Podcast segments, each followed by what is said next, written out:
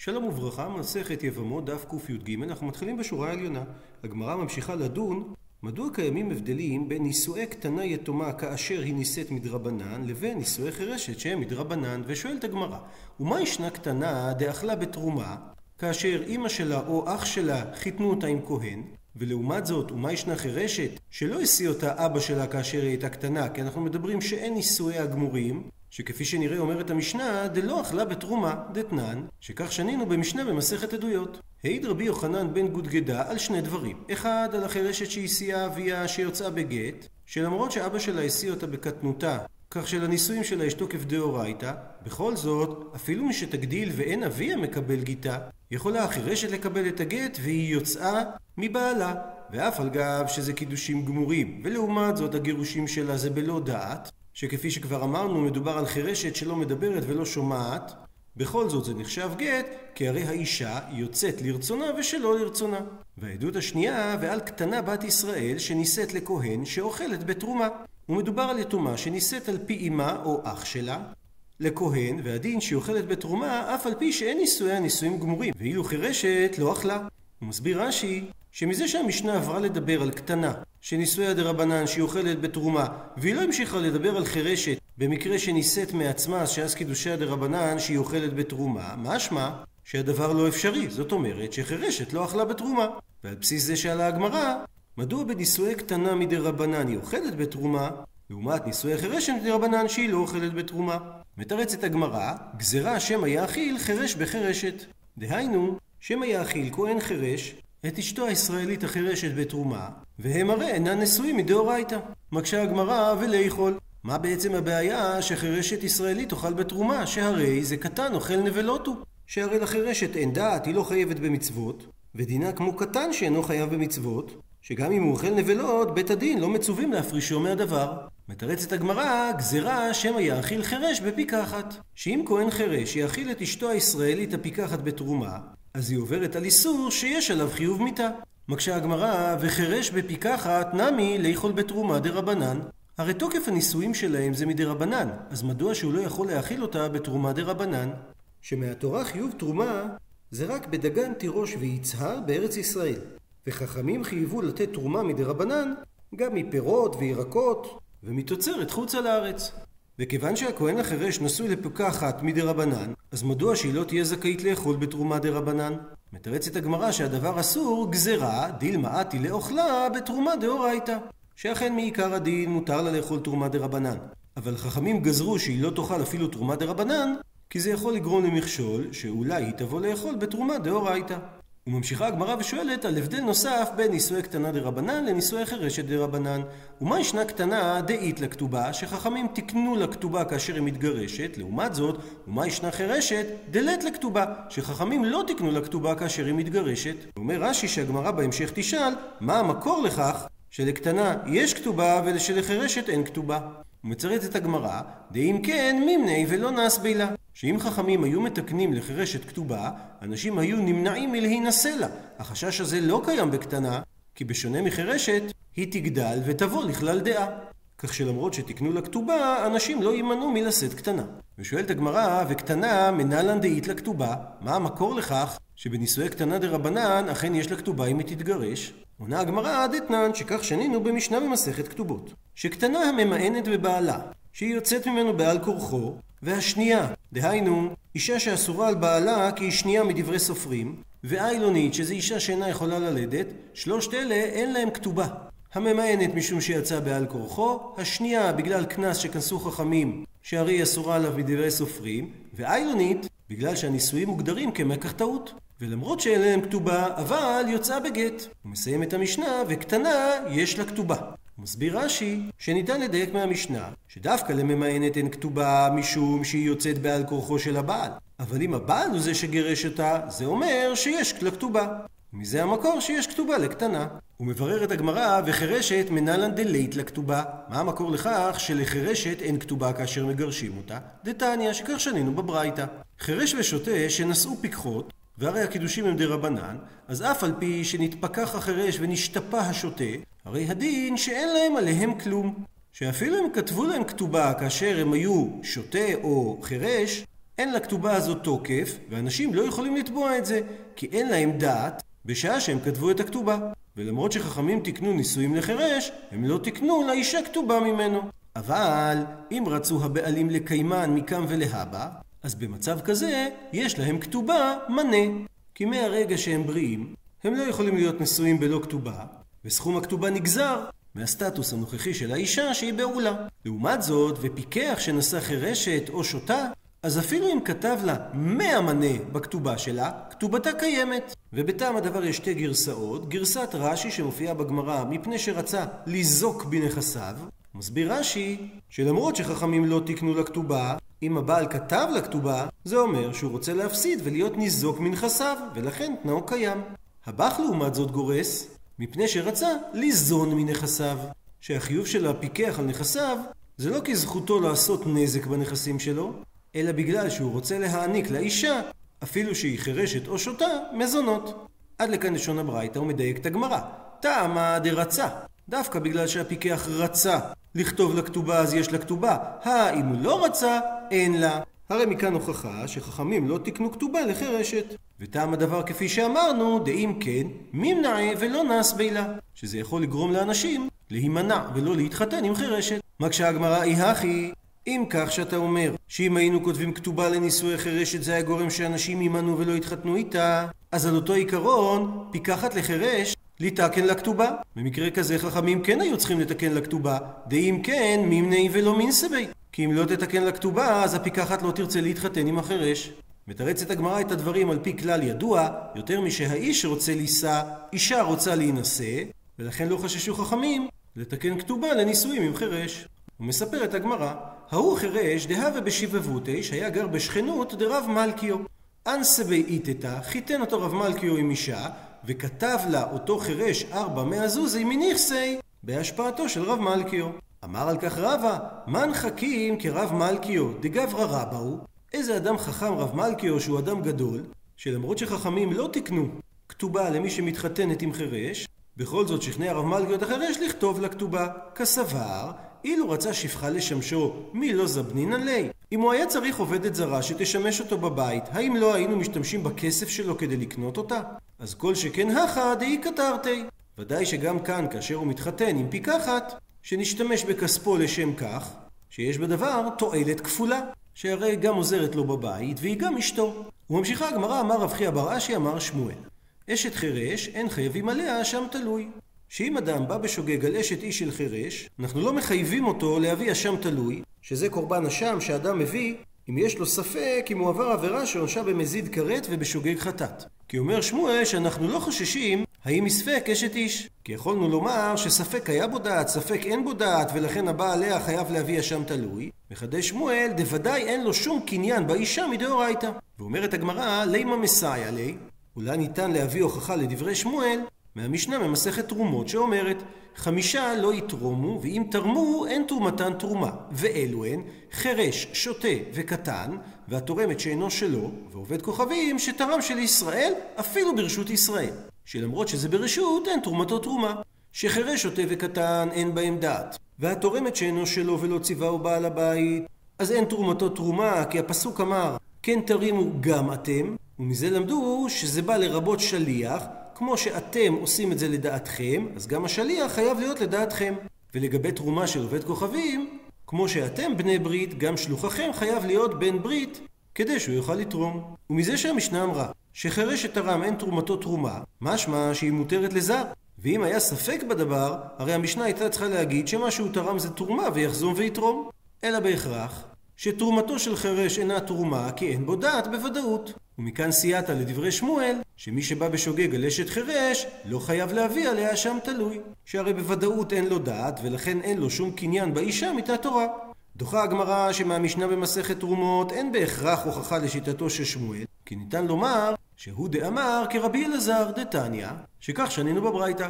רבי יצחק אומר משום רבי אלעזר, תרומת חירש לא תצא לחולין, מפני שהוא ספק. ואז מה שהוא תרם, יש על זה דין של ספק תרומה שאסורה לזרים, וצריך בן דעת לחזור ולתרום. מה כשהגמרא, אבל היא סבירה ללשמואל כרבי אלעזר, שיש ספק האם חירש הוא בר דעת או לא, אז אשם תלוי נמי לחייב. ולמה אמר שמואל? שאין חייבים עליה שם תלוי. מתרצת הגמרא, באינן חתיכה משתי חתיכות. הוא מסביר רש"י, כלומר, ניתן לומר ששמואל סובר כרבי אלעזר, שאכן יש ספק האם תרומת חמרש היא תרומה. ולמרות זאת, לגבי מי שבא על אשתו של החירש, הוא לא מחויב להביא אשם תלוי. והסיבה לדבר, כי התורה אמרה אחת מכל מצוות השם, והמילה מצוות כתובה עם ו' אחת. כאילו כתוב מצוות השם, אבל אנחנו קוראים מצוות השם. ומכאן לומדים שהשם תלוי מביאים כאשר מדובר על אחד משתיים. לדוגמה, יש היתר ואיסור לפניו, כגון אשתו ואשת איש אמו, בבית. וסבור האדם שאין שם אלא אשתו, והוא בא על אישה. לבוקר הוא מגלה שיש שם שתי נשים, והוא לא ידע על איזה מהם הוא בא. דוגמה אחרת, יש לפניו חלב ושומן, והחלב אסור באכילה והשומן מותר באכילה.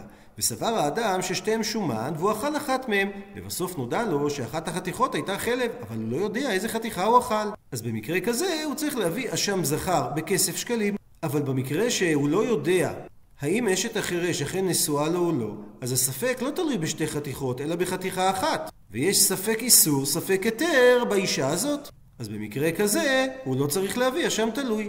מקשה הגמרא, ומי באי רבי אלעזר חתיכה משתי חתיכות? האם רבי אלעזר סובר שהקריטריון להבאת אשם תלוי זה רק כאשר יש ספק בחתיכה אחת מתוך שתי חתיכות, והתניא, והרי שנינו בברייתא, רבי אלעזר אומר, קוי, שזה יצור שהוא ספק חיה, ספק בהמה, ואם הוא חיה, החלב שלו מותר באכילה, ואם הוא בהמה, החלב שלו אסור באכילה. אז חייבים על חלבו, אשם תלוי. והרי במקרה הזה, כל הספק תלוי בחתיכה אחת, ואמר רבי אלעזר שמביאים על זה אשם תלוי. עונה הגמרא ששמואל סבר כרבי אלעזר בחדה, בדבר אחד, ופליגלה בחדה, ובדבר אחד הוא חלק עליו. שניתן לומר שהוא סבר כמותו, שיש ספק האם חירש הוא בן דעת או לא, והוא חלק עליו לגבי הבאת אשם תלוי, ששמואל סובר שצריך שהספק יהיה חתיכה אחת מתוך שתי חתיכות, ורבי אלעזר סבר שמביאים אשם תלוי גם כאשר כל הספק תלוי בחתיכה אחת. ואיכא דאמרי, ויש אומרים גרסה אחרת למהלך. אמר רב חייא ברש"י אמר שמואל, אשת חירש חייבים עליה שם תלוי. מקשה הגמרא מאיתי קושייה ממקור תנאי על דברי שמואל, שהרי המשנה במסכת תרומות אומרת, חמישה לא יתרומו. מה שאומר שחירש הוא בוודאי לא בר דעת, שהרי אם היה לנו ספק בדבר, אז היינו אומרים שתרומתו תרומה מספק וצריך בר דעת לחזור ולתרום. ואיך אמר שמואל? שיש ספק האם אשתו אכן נשואה לו, שלכן מי שבא עליה בשוגג צריך להביא אשם תלוי. מתרצת הגמרא ששמואל סבר לה כרבי אלעזר, שאמר שתחומת חירש לא תצא לחולין, מפני שיש לנו ספק האם הוא בן דעת, וזה תואם למה שאמר שמואל, שהבא בשוגג על אשת חירש חייב להביא אשם תלוי. וממשיכה הגמרא, באה שאל רב אשי את השאלה הבאה: מה הייתה מה דרבי אלעזר? האם מפשט פשיטא ליה דחירש דעת הקלישתא הוא? האם פשוט לו שדעתו של החירש מועטת והוא לא מחודד להבין כשאר בני אדם? ומי הוא ובכל זאת מספקא ליה לרבי אלעזר, היא דעתה צילותא, הפכנו דף, היא לאו דעתה צילותא.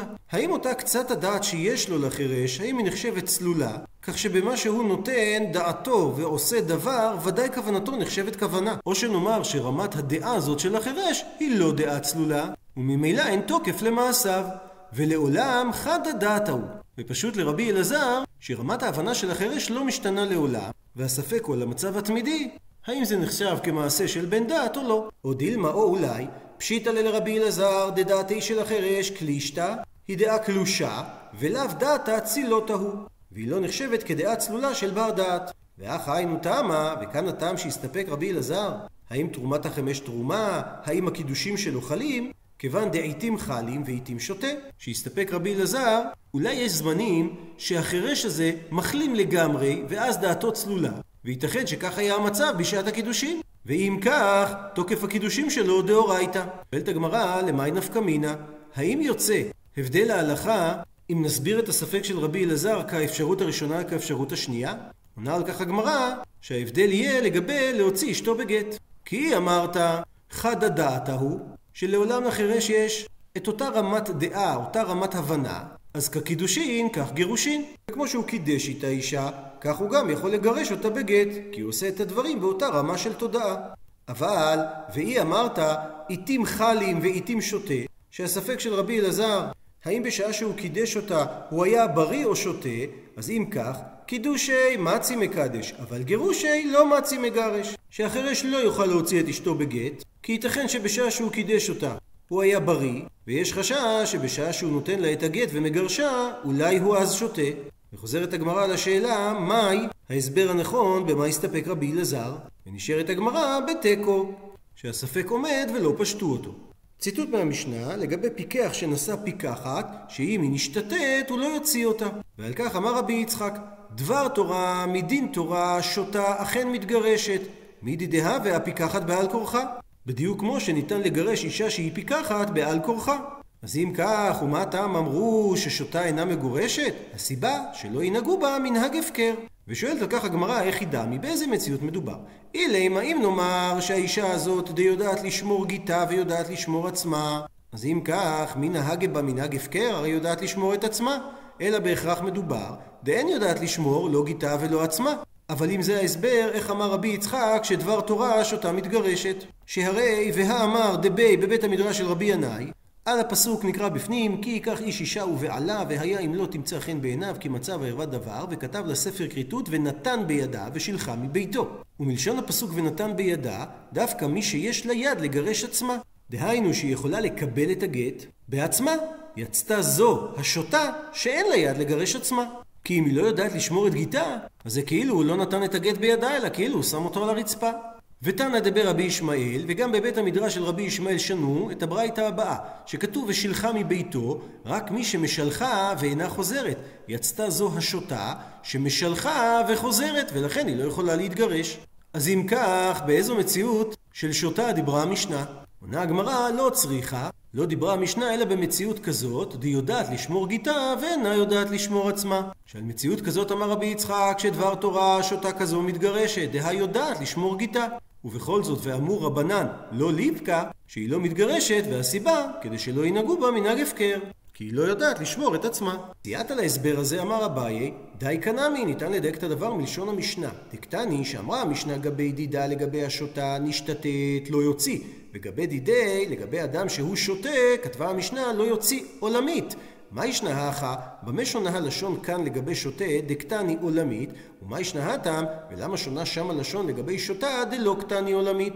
שהמשנה לא לקטה את הלשון של עולמית, אלא בהכרח שמע מינה, הדאורייתא הדרבנן. שהמשנה מדגישה שגירושים של שותה לא חלים מדאורייתא, ולכן היא נוקטת את הלשון של עולמית, מה שאין כן לגבי שותה, שמדאורייתא ניתן לגרש אותה, וחכמים תיקנו שכדי שלא ינהגו במנהג הפקר, שלא תתגרש. ציטוט מהמשנה, אמר רבי יוחנן בן נורי, מפני מה האישה שנתחרשה יוצאה והאיש שנתחרש אינו מוציא. היא באה להוא ונשאלה להם השאלה הבאה, רבי יוחנן בן נורי, על מה הייתה עיקר השאלה שלו? האם איש פשיט עלי, שבגלל שהוא חירש והוא לא בר דעת הוא לא יכול לגרש את אשתו ואישה כמבא אלי? והוא שאל על חירשת, מפני מה גירושי הגירושין, או דילמה או אולי, להפך, אישה פשיט עלי, היה פשוט לו שניתן לגרש חירשת, כי זה לא תלוי בדעתה, ואיש כמבא אלי. והספק שלו היה, מפני מה חירש לא יכול לגרש. עונה הגמרא תשמע, בו שמע הוכחה מלשון המשנה.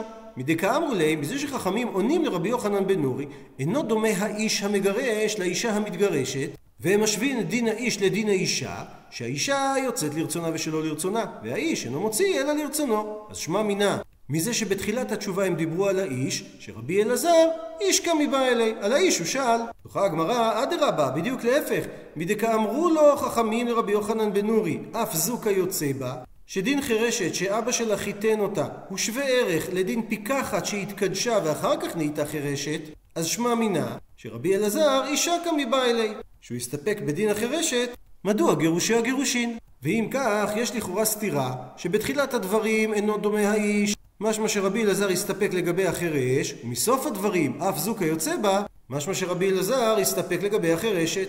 אלא אומרת הגמרא, רבי יוחנן בן נורי לדבריהם כאמר להו.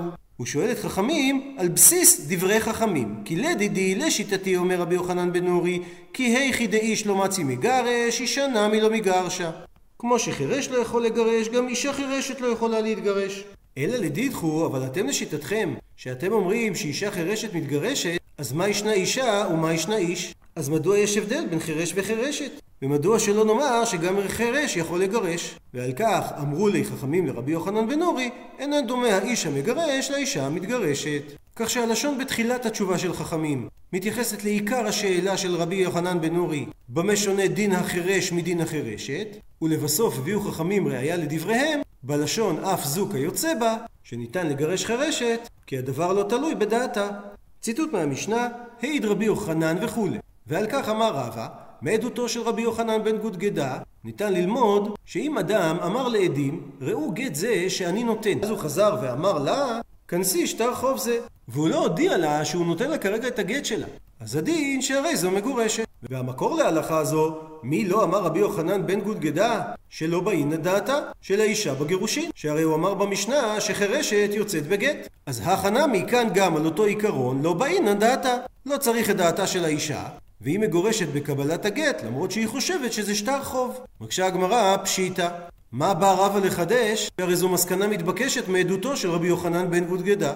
מסבירה הגמרא, מהו דתימה? מה היית חושב לומר?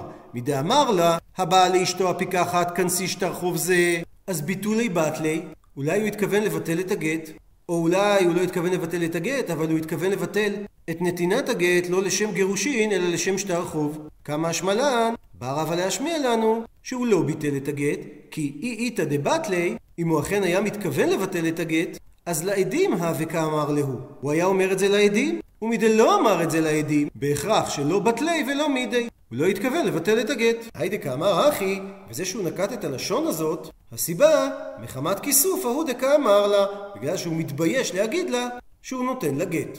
עד לכאן דף קי"ג, למעוניינים בהרחבה.